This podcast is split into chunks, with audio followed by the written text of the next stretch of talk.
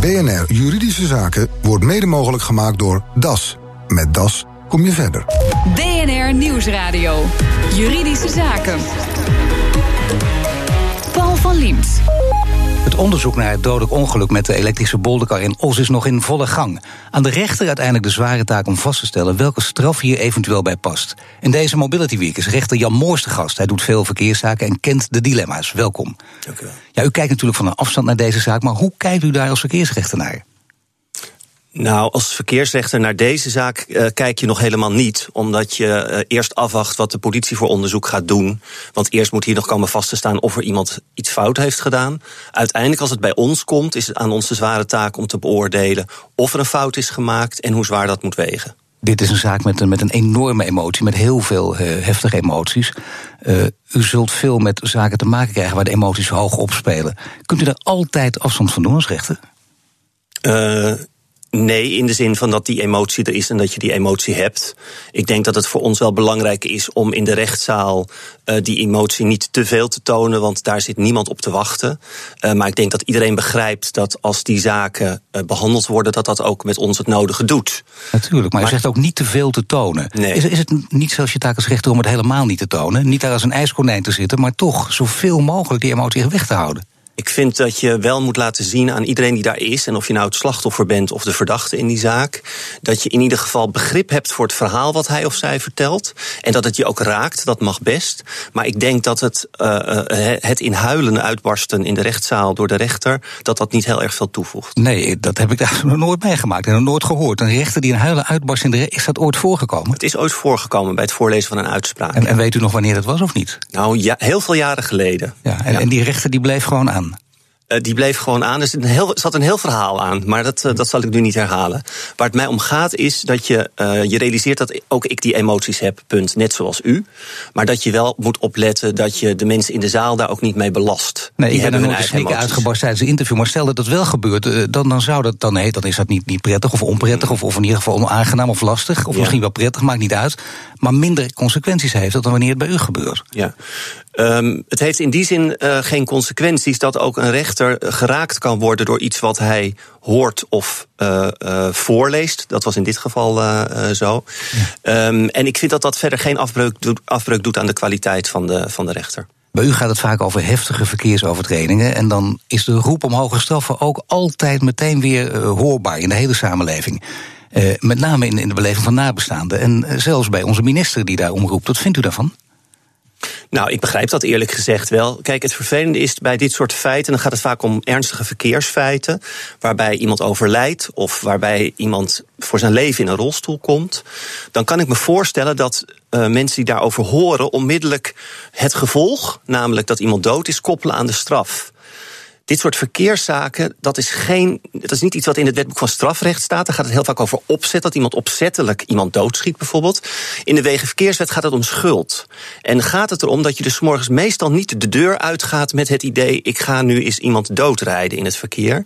Wat er in feite gebeurt is dat je een kleine, of soms heel veel, fouten maakt in het verkeer. En dat afhankelijk van de fouten die je maakt de straf wordt opgelegd. En het resultaat, dus of iemand uiteindelijk komt te overlijden, speelt daar wel een rol bij. Maar is uiteindelijk niet doorslaggevend voor de straf. Bent u toch gevoelig voor de roep om hoge straffen in bepaalde zaken die u echt in het oog springend zijn? Nee, ik ben daar zelf niet gevoelig voor in de zin van ik kan natuurlijk alleen naar mijn eigen zaken kijken. Tuurlijk. En je probeert zo goed mogelijk uit te leggen iedere keer waarom je in die zaak tot zo'n uh, beslissing komt.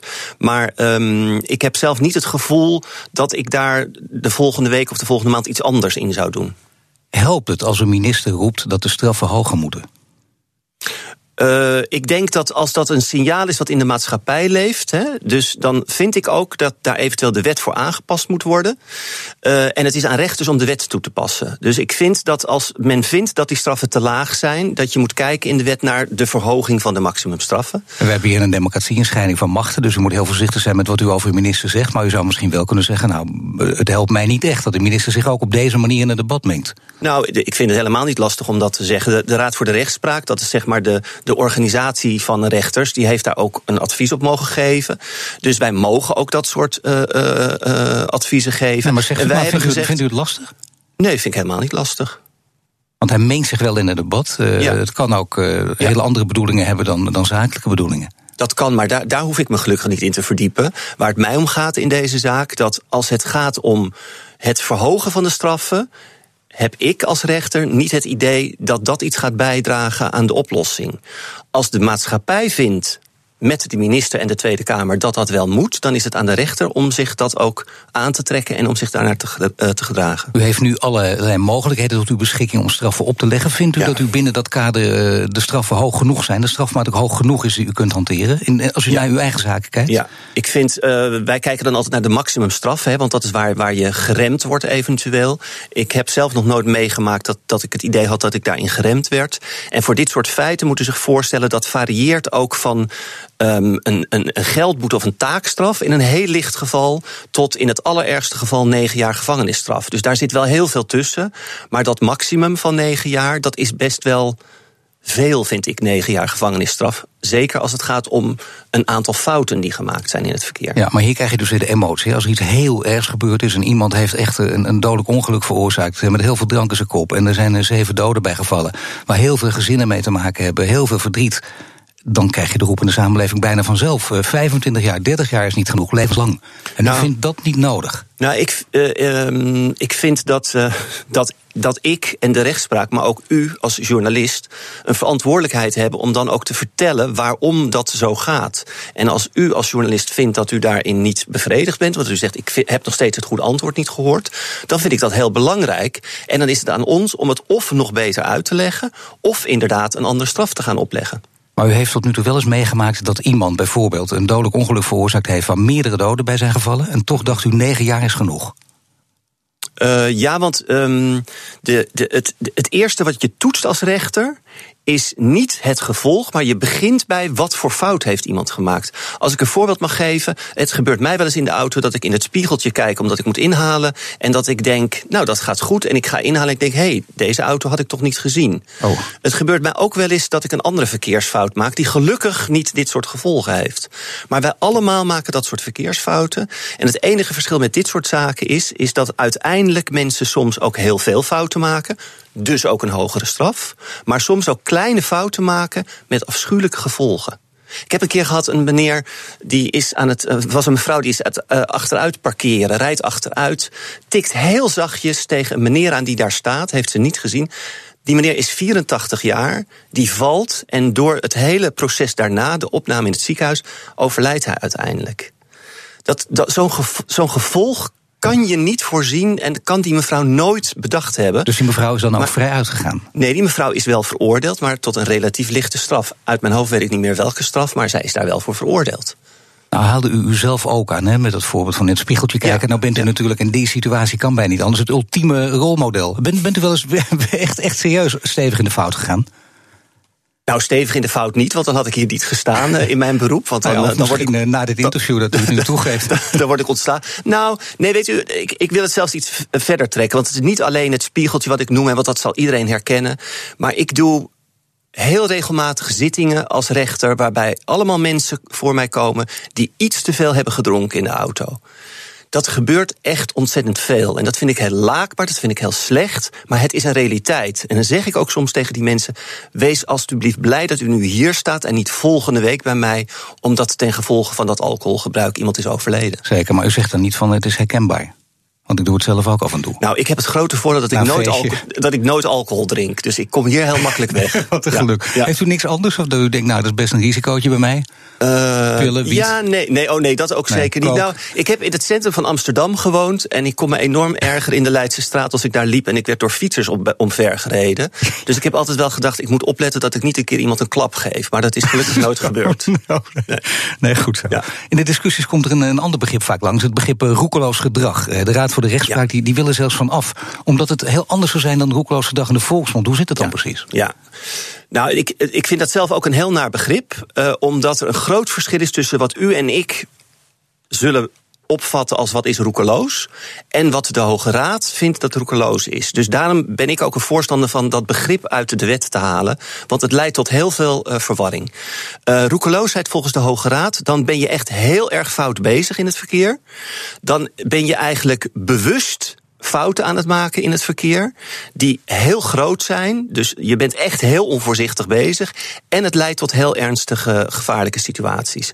Dat, um, om een voorbeeld te geven waar de Hoge Raad dat bijvoorbeeld aanneemt, is bij die straatraces. Uh, daar kan sprake zijn van uh, roekeloosheid. Straatraces voor de duidelijkheid. Uh, wat mij te binnen schiet is, vader en een zoon gingen een straatrace aan. Nou, dat kan, maar dat kunnen ook vrienden zijn of kennissen die daar ja. een, een, fles wijn op zetten of zo, wie er wint. En dan weet je dus ja. van tevoren, als je zoiets doet. Wij gaan heel hard rijden, we gaan alle verkeersregels overtreden met als doel om te winnen. Dus daarbij veroorzaken, dan weet je op dat moment al, ik ga heel gevaarlijk, uh, uh, uh, heel veel gevaarlijke situaties veroorzaken. Daarvan zegt de Hoge Raad dat is roekeloos. Terwijl voor u en mij denk ik veel eerder sprake is van roekeloosheid. Als ik, ik, ik als ik het voor, als een voorbeeld mag geven, ik heb ooit toen ik dit soort zaken zelf niet deed, heb ik een keer een, een vonnis moeten voorlezen van een collega. En dat lees je dan ook keurig van tevoren even door. Ja. Dat ging hierover en er was een hele lijst van wat er fout gegaan was. En uiteindelijk zei de rechtbank dat is niet roekeloos. Ik heb haar nog even opgebeld om te vragen of ik het nou wel goed begrepen heb. En zij heeft me toen gelukkig uitgelegd dat roekeloos in het juridische iets anders is dan wat ik op dat moment en waarschijnlijk de meeste Nederlanders als roekeloos opvatten. Dus haal het eruit. Straks, als hogere straffen niet het antwoord zijn, hoe zorg je dan voor genoegdoening voor slachtoffer of nabestaan? BNR Nieuwsradio. BNR Juridische Zaken. Bij verkeerszaken lopen de emoties vaak hoog op. Soms kan een klein foutje catastrofale gevolgen hebben. Wat doe je dan als rechter? Mijn gast is Jan Moors, rechter bij rechtbank Noord-Holland. Ja, de zwaarste taak voor de rechter is dus niet de strafmaat bepalen, maar uitleggen waarom hij wat beslist. Gaat het daar dan vooral om, echt om de interpretatie? Ja, nou, het, zwaarste moment is eerlijk gezegd wel dat je heel goed bekijkt wat iemand fout gedaan heeft en of dat wel vast komt te staan. Dus wij moeten echt wel eerst naar de feiten kijken en dan uiteindelijk een straf bepalen die recht doet aan de fout die iemand gemaakt heeft en ook de gevolgen die dat heeft gehad. En dat op een goede manier uitleggen is niet makkelijk, heb ik gemerkt gaat het er ook om wat de roep in de samenleving is, om in het oog springende zaken. De, zoals er af en toe wordt gezegd, kijk, iemand is uh, al genoeg gestraft, want er is al heel veel uh, over hem heen gescholden en geroepen. Mm. Dus de straf wordt lager dan normaal uh, het geval mm zou zijn. In dit geval zou je kunnen zeggen, bijvoorbeeld, ja, er is al heel veel over een bepaalde zaak gezegd, daardoor valt de straf lager uit. Komt dat voor ook in deze zaken of niet? Nee, in dit soort zaken kan ik me dat eerlijk gezegd niet herinneren. Um, wat wel zo is, is dat mensen vaak al een enorm beeld hebben over wat er gebeurd is en wat er moet gaan gebeuren in de straf. Terwijl bij de behandeling van de zaak zelf toch blijkt dat het soms wel wat anders is dan, uh, dan tot nu toe uh, is gezegd. Dus voor ons begint het echt bij echt vaststellen wat de feiten zijn. En hoe groot of hoeveel de fouten zijn geweest die iemand gemaakt heeft. Maar dan gaat het erom, hoe leg je het uit? Dan ja. heb je dus een uh, goed vocabulaire nodig. Dan heb je ook een bepaalde doelgroep voor ogen, om het even in die termen te gieten. Ja. Gaat het daar af en toe mis? Want dan komt het bijna op, op taalvaardigheid aan. Mm -hmm. Nou ja, ik, ik, ik denk dat wij als juristen over het algemeen heel erg getraind zijn om juridisch heel correct te schrijven en het ook correct voor te lezen. Ja. Maar um, soms is ook onbegrijpelijk. Maar soms, nou ja, daar wordt echt ook wel aan gewerkt. Hè. We hebben zelfs de klare uh, taalbokaal tegenwoordig, waarin geprobeerd wordt door rechters ja. om, uh, om dat goed op te schrijven. Heel mooi voorbeeld. Uh, onlangs een kinderrechter heeft een beslissing genomen waarbij ze hem geschreven heeft voor het kind. En ze heeft dus voor het kind duidelijk gemaakt waarom ze de beslissing heeft genomen in de zaak tussen de ouders eigenlijk. Ze heeft daar wel heel eerlijk bij gezegd dat dat zo ongelooflijk veel tijd kost. Om je op die manier, op een hele andere manier uh, uit te drukken. Dat je dat helaas niet iedere dag kan doen. Maar daar heb je het al, ja. Dat het dus veel tijd kost. Ik zou bijna zeggen, maar dit is toch belangrijk genoeg als interpretatie nog belangrijker is dan strafmaat. In ieder geval misschien even belangrijk. Maar dan zou je toch enorm je best moeten doen om dat zo goed mogelijk te kunnen. Ja, maar ik denk dat dat ook echt geprobeerd wordt tegenwoordig. Ik denk dat al mijn collega's hun best doen. Bij de ene zaak nog meer dan bij de ander. Om juist heel goed uit te leggen waarom ze tot een bepaalde beslissing komen. Omdat wij natuurlijk ook weten dat dat gepubliceerd wordt en mensen daar uh, uh, kennis van maar nemen. Maar maakt het ervan uit, heb ik een eloquente, begaafde rechter tegenover mij of niet? Ja. Dat kan verschillen ik heb zelf de indruk dat de meeste rechters echt wel eloquent zijn. En dit soort grotere zaken die gedaan worden, worden altijd door drie rechters gedaan. Dus je hebt dan drie mensen die er naar kijken. En we hebben gelukkig tegenwoordig ook nog hele goede communicatieadviseurs die ons ook af en toe nog een beetje helpen. Nou ja, maar het gaat toch om, om heel belangrijke zaken als uh, wel of geen ironiegebruik, waar heel mm. vaak misverstanden over zijn tussen allerlei ja. zeer hoog opgeleide mensen of mensen die daarvoor doorgaan. Dus ja, lastig genoeg. Uh, zijn, zijn de maar u denkt de verschillen tussen de rechters op dit gebied zijn klein en ze maken ook sprongen. Ik vind dat wij daar absoluut uh, verbetering maar jullie worden in er ook niet getraind? Zeker. Er wordt uh, zeker aandacht ook uh, aan besteed maar bij de opleiding even, is dat van, Je ziet dat vaak. Hè? Dan, dan, vraag ik aan iemand, uh, worden jullie ook in, in, communicatie getraind? En zeggen ze braaf ja, artsen bijvoorbeeld. Mm. En ja, degene die de praktijk kennen, die zeggen... nou, dat stelt allemaal niks voor, want ze gaan zes keer per jaar naar zo'n klasje... ze vinden er eigenlijk niks aan, ja. als ze het papiertje maar krijgen. Ja. Dit wordt heel serieus genomen? Dit wordt heel serieus genomen. En ook in de opleiding van rechters is dit onderdeel van de opleiding. Dus hoe schrijf ik het op en hoe leg ik het uit? Nou had u het net over de hoge straf, en ik ook. Uh, die zijn uh, lang niet altijd aan de orde. Uh, het gaat ook om, om andere mogelijkheden. Hoe kun je iets oplossen? Hoe kun je mhm. iets oplossen? Bijvoorbeeld mediation, hoor je ook heel vaak over spreken. Ja. Is dat het toverwoord bijna in dit soort zaken of niet? Nou, ik vind het nooit een toverwoord. Maar wat ik het mooie vind van mediation, ook in dit soort zaken, hè, waarbij je vaak toch verdachten hebt die ook een blanco strafblad hebben, die ook geen ervaring hebben met het strafrecht. Uh, en een slachtoffer of nabestaande, waar het gelukkig ook nieuw voor is. Dat mediation ertoe leidt dat ze met elkaar in gesprek uh, komen om te zien wat het heeft betekend, maar ook te horen van elkaar wat er belangrijk in is. Um, als ik een voorbeeld mag geven, weet ik dat in een mediation, waar ook sprake was van een heel ernstig uh, verkeersdelict, en iemand overleden was, dat uh, de familie uiteindelijk gezegd heeft: Kijk, uh, onze vader of onze broer was heel actief in de, de jeugdhulpverlening. Het zou ons heel erg helpen als u, verdachte, de komende jaar aandacht zou willen besteden aan het onderwerp, in wat voor vorm dan ook, zonder dat u daar geld voor krijgt te werken. Nou, dat, dat zou ik op een zitting uh, niet gevraagd hebben aan slachtoffers, moet ik zeggen. En ik kan het ook helemaal niet opleggen.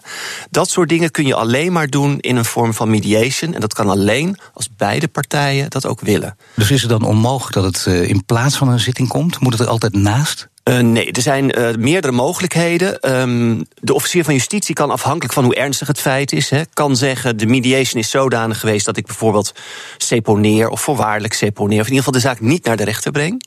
Maar de officier van justitie kan ook de zaak wel naar de rechter brengen. Maar dan zit er wel een verslag van de mediation in. En dan wordt er ook gevraagd om met dat verslag rekening te houden bij het opleggen van de straf. En overigens ook op de zitting zullen dan waarschijnlijk slachtoffers of nabestaanden wel weer verschijnen en ook zeggen wat ze daarvan vinden. Uh, er wordt gesleuteld aan de wegenverkeerswet, de zogenaamde wegenverkeerswet. De Raad voor de Rechtspraak wil af van het woord roekeloos, waar we het eerder over hadden. Uh, heeft u nog verzoeken om, uh, om de rechtspraak op dit gebied weer helemaal modern, up-to-date te krijgen? Nee. nee, toch een lichte aarzeling. U dacht, nou, nu heb ik de kans, maar nee, niks. Nee, nee. Het gaat nee. heel goed zo. Nee. nee, maar u gaat me toch niet zeggen, u acteert op topniveau dat u tevreden bent, want dat gaat niet bij elkaar passen. Nou, kijk, ik vind dat het altijd zo is dat, dat wij als rechters er zijn om de wetten die we hebben uit te voeren. Dat doen we zo goed mogelijk. Maar wij moeten ons vooral niet steeds op eigen initiatief in die discussie uh, mengen. Ik vind het wel heel goed dat als er ook maar iets aan de orde is over wijzigingen van de wet, dat wel ons advies wordt gevraagd. Maar dat wordt niet aan mij individueel gevraagd. Dat wordt dan aan onze beroepsgroep gevraagd. Ja, maar nou vraag ik het even aan u individueel, omdat je, ja, u doet het al een tijdje. Bovendien ja. er is misschien iets waar u heel vaak tegen aanstoten. Van u denkt, kijk, dat is echt een hobbeltje. Dat moeten we even wegnemen. Nou, er zijn heel veel hobbels, maar ik, ik heb het idee dat wij heel vaak binnen het kader wat er is, binnen de rechtsregels die er zijn, ook die hobbels over het algemeen kunnen nemen. En anders zijn wij bij de hand genoeg om zelf aan de minister aan te geven dat wij vinden dat er iets veranderd moet worden. Waar gaat het meestal om bij u in de zaken? Gaat het, mee, gaat het om moedwil of om misverstand? Bij verkeerszaken? Ja. Dan gaat het bijna altijd om, uh, om, om misverstand, om fouten. En helaas ook een enkele keer om hele ernstige fouten en moedwil. Maar, maar 80% van de zaken zijn mensen die een fout maken die u en ik ook hadden kunnen maken. En hebben die fouten bijna altijd te maken met uh, drankgebruik of, of iets anders? Nee hoor. Nee, dat, de drank kan daar een rol bij spelen. Maar het is vaak toch een onvoorzichtigheid, niet goed opgelet hebben. En als je dat dan doet terwijl je een telefoon in je hand hebt, bijvoorbeeld. Of als je dat doet terwijl je de kinderen die op de achterbank zitten probeert uh, koest te krijgen. Dan kan dat leiden tot een fout die ook wordt aangerekend in dit geval. Het is dus heel vaak gewoon letterlijk een moment van onoplettendheid. Het is vaak een moment van onoplettendheid. En soms één of twee van dit soort factoren. En hoe meer van dit soort factoren, hoe hoger de straf uiteindelijk ook zal worden. Ik dank u hartelijk voor dit gesprek. Rechter Jan Moors. BNR Nieuwsradio. BNR Juridische Zaken. Paul van Liemt. Toen er opeens een fotograaf in actie kwam langs de lijn, riep dat bij zaalvoetballer David vragen op. Het verslag is van Nelke van der Heijden. David, jij bent een vervent zaalvoetballer, speelt ook competitie. Ja. En nou kwam er laatst bij een wedstrijd kwam er een vraag bij je op. Vertel. Ja, ik zag uh, langs de kant zag ik, uh, een fotograaf staan. En die maakte gewoon foto's van onze wedstrijd. En uh, nou, ik vroeg mij heel erg af, kan hij zonder toestemming eigenlijk die foto's op het internet plaatsen op Facebook of zo. Maar dat was ik wel heel erg benieuwd naar. Ja, dus toestemming van misschien iemand die die kent of echt van iedereen? Uh... Nou ja, ik dacht eigenlijk aan toestemming, dit je toestemming aan ons vragen. Want ik weet wel iets van portretrechten, maar... Uh... Dus eigenlijk zouden jullie allemaal persoonlijk toestemming moeten vragen. Dat zou je het liefst hebben? Dat zou ik wel, zou ik wel, ja, ja, wel willen, ja. Christian Alberding van bureau Brandijs. Had die fotograaf nou eigenlijk toestemming moeten vragen aan David? Nee, hij had geen toestemming hoeven vragen aan David om foto's te maken langs de zijlijn bij een zaalvoetbalwedstrijd. Waarom niet? Het gaat hier om het portretrecht, zoals David dat zelf ook al aangeeft. En het portretrecht geeft de geportretteerde, dus degene die op de foto staat, geen absoluut recht om in alle omstandigheden zich te verzetten tegen publicatie van zijn foto. In de rechtspraak is uitgemaakt dat je je alleen maar kan verzetten tegen de publicatie op het moment dat jij wat ze noemen een redelijk belang hebt. Dus dat moet je wel aantonen. En waar kun je dan aan denken bij zo'n redelijk belang? Nou, een redelijk belang kan zijn een privacybelang. Bijvoorbeeld als het een voetballend elftal is dat allemaal naakt is. Nou, kan je toch vervelend vinden als zo'n foto wordt uh, gebruikt. Of het kan een financieel belang zijn. Ik ben een bekende Nederlander en ik kan geld verdienen met de exploitatie van mijn portret. En dan wil ik niet zomaar dat mijn foto's worden gebruikt. Dat soort belangen worden in de rechtspraak meestal gehanteerd. En dat betekent dat bijvoorbeeld als jouw foto gebruikt wordt in reclames, dus bij een reclameuiting, dat je je er wel altijd kan tegen verzetten. En nu gaat het dus om een zaalvoetbalwedstrijd van amateurs, geen bekende Nederlanders. Hoe zit het dan? Nou, dan vermoed ik, afhankelijk van de context waar de foto uiteindelijk wordt gebruikt, dat David geen redelijk belang zou hebben om zich te verzetten tegen de publicatie. Hij noemde als voorbeeld Facebook. Ja, dus op het moment dat die fotograaf die foto op zijn Facebookpagina plaatst, zonder begeleidend commentaar of iets, en het is verder een neutrale pagina, dan kan David zich er niet tegen verzetten. Mocht het nou een extreemrechtse website zijn waarin allerlei nare verhalen uh, over uh, rassenscheiding en dergelijke op zijn opgenomen, dan kan David wel zeggen: Hallo, daar wil ik niet mee geassocieerd worden. En als hij een dubbel leven leidt? Of als David een dubbel leven leidt en hij eigenlijk ergens anders had moeten zijn dan waar hij was op het moment dat die foto was genomen, of een ander bijzonder privacybelang, dan kan hij zich er misschien ook tegen verzetten. Zegt advocaat Christian albering in een verslag van Nelke van der Heijden. Heeft u ook een juridische vraag? Mail hem naar juridischezaken.bnr.nl. Dit was de uitzending voor vandaag. U kunt de show terugluisteren via bnr.nl slash juridische zaken. Mijn naam is Paul van Diemt. Tot de volgende zitting. BNR Juridische Zaken wordt mede mogelijk gemaakt door DAS. Met DAS kom je verder.